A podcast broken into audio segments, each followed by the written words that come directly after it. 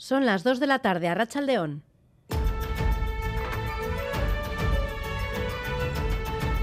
Crónica de Euskadi con Irache Martínez. El PNV defiende la utilidad de la deflactación del 2% en el IRPF para el próximo año en lugar de profundizar en una reforma fiscal tal y como le pide la oposición. Su socio de gobierno, el PSE, que ya anunciaba este viernes, antes de que se hiciera oficial esta medida en el Consejo Vasco de Finanzas, que esto le parecía insuficiente y hoy ha pedido que se adopten más medidas. Escuchamos a Leisuria Rizabalaga del PNV y a Caín Rico del, del Partido Socialista de Euskadi en el Parlamento Las Ondas. No era momento para una reforma fiscal, como hasta ahora hemos venido defendiendo, pero sí para tomar decisiones. Y una de ellas es esta deflactación. Por tanto, yo entiendo acertada. No nos tenemos que obcecar con una única fórmula, porque una medida como deflactar no resuelve por sí sola el fondo de la cuestión y además no impide que la gente siga perdiendo poder adquisitivo.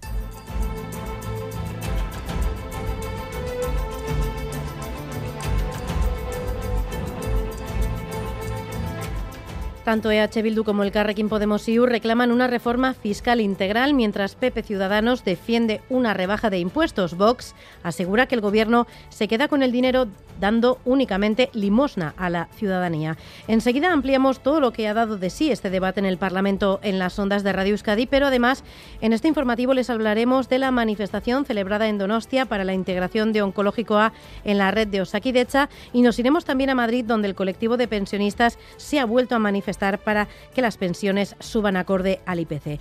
Y tenemos buenas noticias porque la película Irati de Paul Urquijo se ha llevado el premio del público en el Festival de de y también el premio VFX en este Festival Internacional de Cine Fantástico de Cataluña. Escuchamos a Paul Urquijo.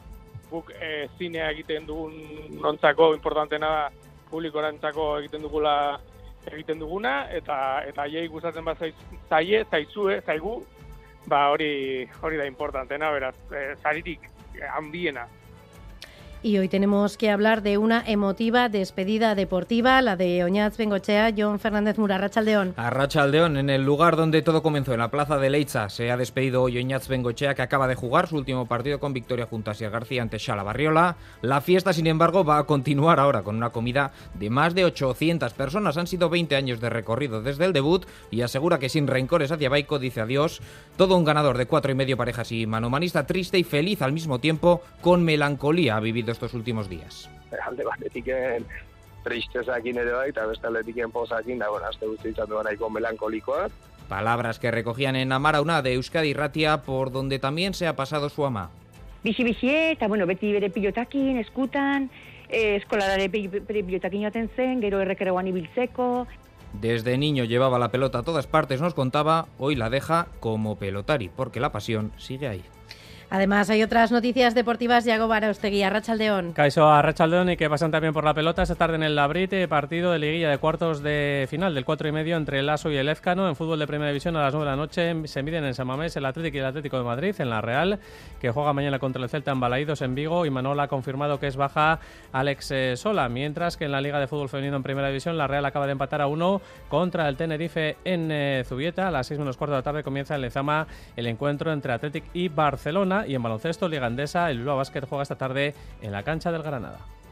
Nos espera un fin de semana de calor, Euskalmet, Jonander Arrillaga, Rachaldeón. Caixo a León. Por la tarde vamos a seguir con tiempo veraniego. Van a aumentar las nubes altas y medias, pero sin grandes consecuencias, así que vamos a seguir con un tiempo seco y tranquilo. Y por otro lado, el viento va a soplar del sur en el interior, en general flojo, y va a hacer calor. Se van a superar los 25 grados y en algunos puntos los termómetros se van a acercar a los 30. En la línea de costa, en cambio, va a soplar la brisa y como mucho vamos a llegar a los 22 o 24 grados.